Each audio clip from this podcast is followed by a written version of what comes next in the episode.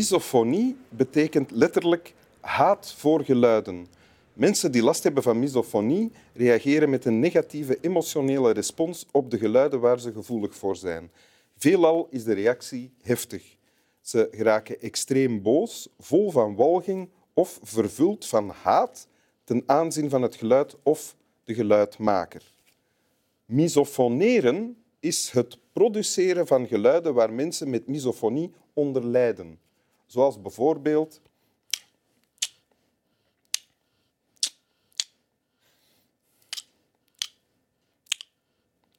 Ja, ja.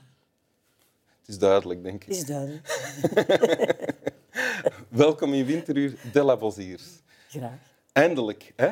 Ja, eindelijk Ja. inderdaad. De la Boziers, voor de paar jongere kijkers van Winteruur, zeg ik nog even wie jij bent. Je, bent eh, je was een grote ster in de jaren 70 vooral, denk ik. Dankzij je muziek, muziek die je maakte.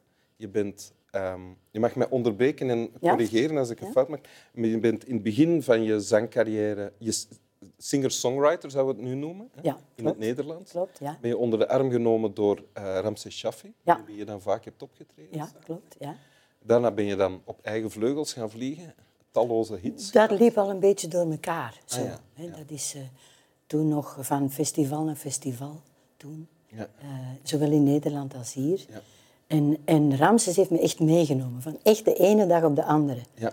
In het Sportpaleis, Casino, Kleinkust in Antwerpen. Uit Zuid en Noord was dat, op de zondag.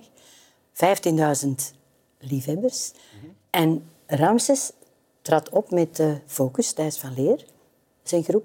En na mijn optreden, ik, stond toen, ik zat toen nog aan de piano, Ja, je was een, een, een jonge verschijning aan een piano. Ja, klopt. Ja. En die zei, ga je mee met mij naar Nederland? Ga je mee? En letterlijk, ja, de volgende dag heb ik de trein genomen naar Nederland en Ja. eh, mee naar Laren. En mijn favoriet eh, van alle liedjes die ik ken van jou, en dat zijn er toch wel redelijk veel, is Bossa Rossa. Daar doe je me heel veel plezier mee. Want Ja. het is ook mijn, een van mijn lievelingsliedjes. Ik denk trouwens ook het enige Nederlandstalige lied dat ook een bossa nova lied is, toch? Je hebt ook eh, nog wel wat eh, liedjes. Ah ja, oké. Eh, ook horizontaal, wat ik ook geschreven heb van de eerste LP. Ah, ja, maar van jou dan? Van mij. Oh ja, ja, sorry. Hè. ja, minder, minder gangbaar in het Nederlands, denk ik. Misschien Martine Bijl met de belletjes, maar dat is geen echte bossa. Ik vind, dat vind ik ook niet. Maar we zijn al te lang aan het praten, want je hebt een lange tekst bij. Hè? Ja, ik ga me haasten. Ja, oké. Verder woonde er niemand in het bos. En daarom dacht de bramenplukker dat hij alleen op de wereld was. Deze gedachte deed echter zijn opgewektheid geen schade. Hij zong luidkeels de vrolijkste liederen, zonder ophouden, behalve s'nachts, want dan moest hij slapen. Dat is een goede verontschuldiging. Maar verder, verder was er geen vrolijker mens denkbaar. Zie, placht hij 's morgens te zeggen, die zilveren parels op de bloemen. Voor wie anders liggen al die diamanten over het gras gestrooid dan voor mij. Wat ben ik rijk. En als hij door het woud liep, zuchtte hij... Wat een hoge gewelven, wat een ruime portalen. Wat een prachtige zuilen. En dat alles voor één man. Des middags lag hij op zijn rug naar de wolken te kijken, die de wonderlijkste figuren voor hem maakten. Zie, sprak hij dan, een beer. En daar, een winterlandschap. Wie heeft er zo'n zoldering? Ik word er verlegen van. Maar des avonds was de bramenplukker het meest verblijd. Dan ging hij onder de laurierboom zitten voor zijn huisje en wachtte gespannen. En plotseling, als de zon voor het laatst haar purperen stralen over de heuvels wierp, begon ver in het woud een fijne hoge stem te jubelen, zo verrukkelijk schoon en toch zo eindeloos weemoedig dat de bramenplukker de tranen in de ogen schoten. Heerlijk, prachtig, riep hij dan ten leste uit. Dank, dank, onbekende zanger.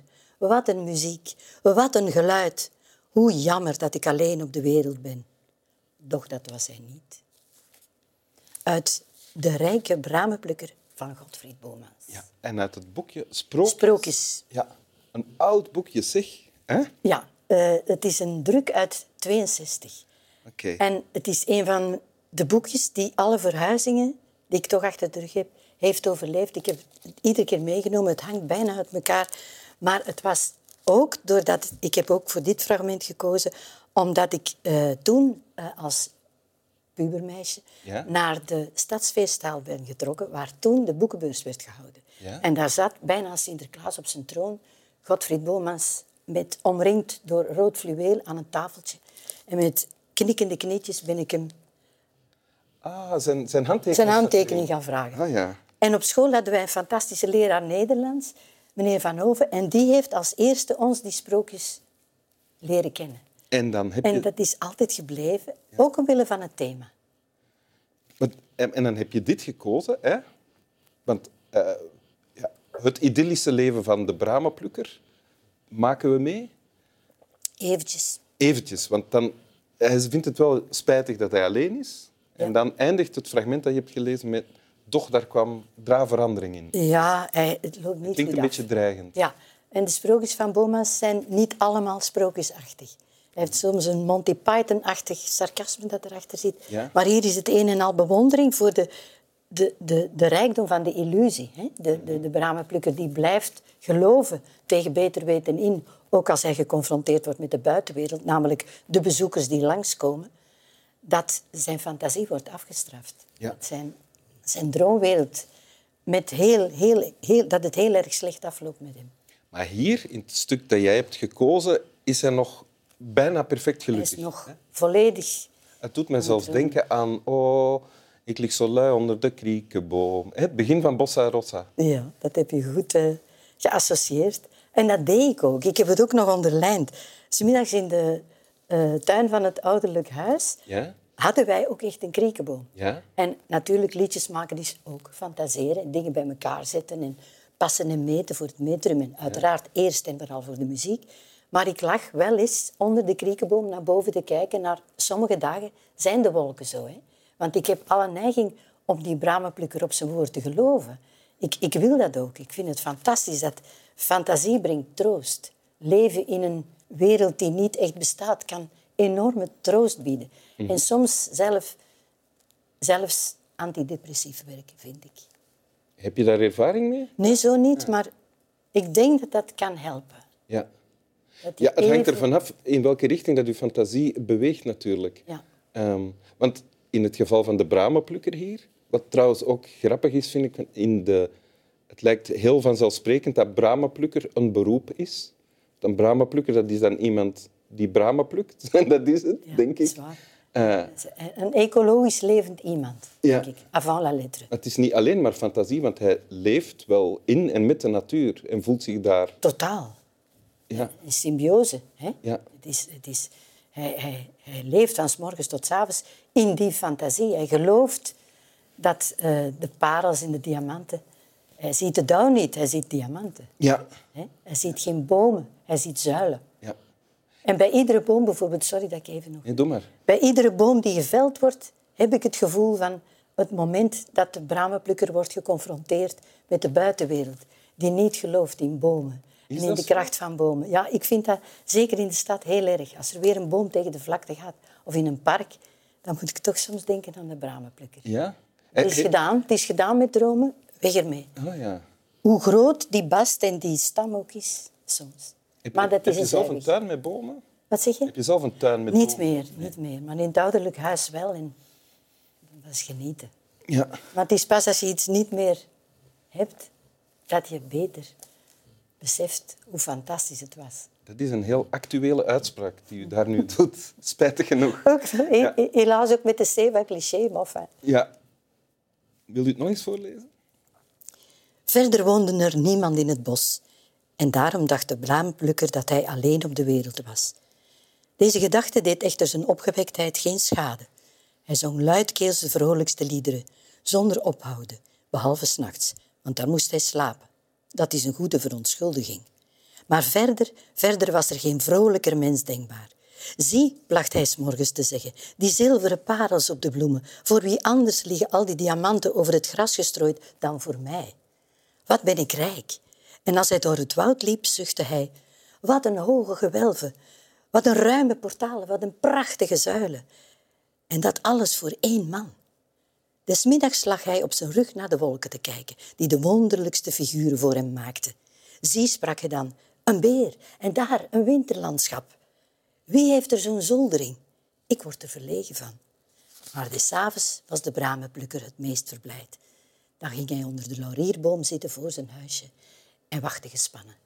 En plotseling, als de zon voor het laatst haar purperen stralen over de heuvels wierp, begon ver in het woud een fijne, hoge stem te jubelen.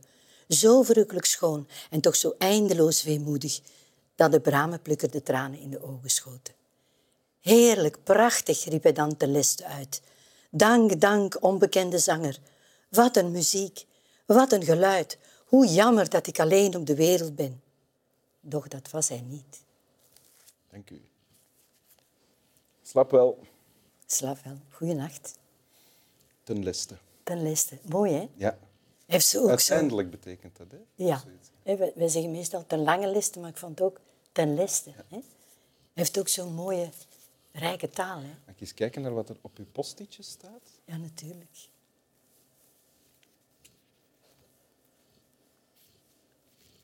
Schouders.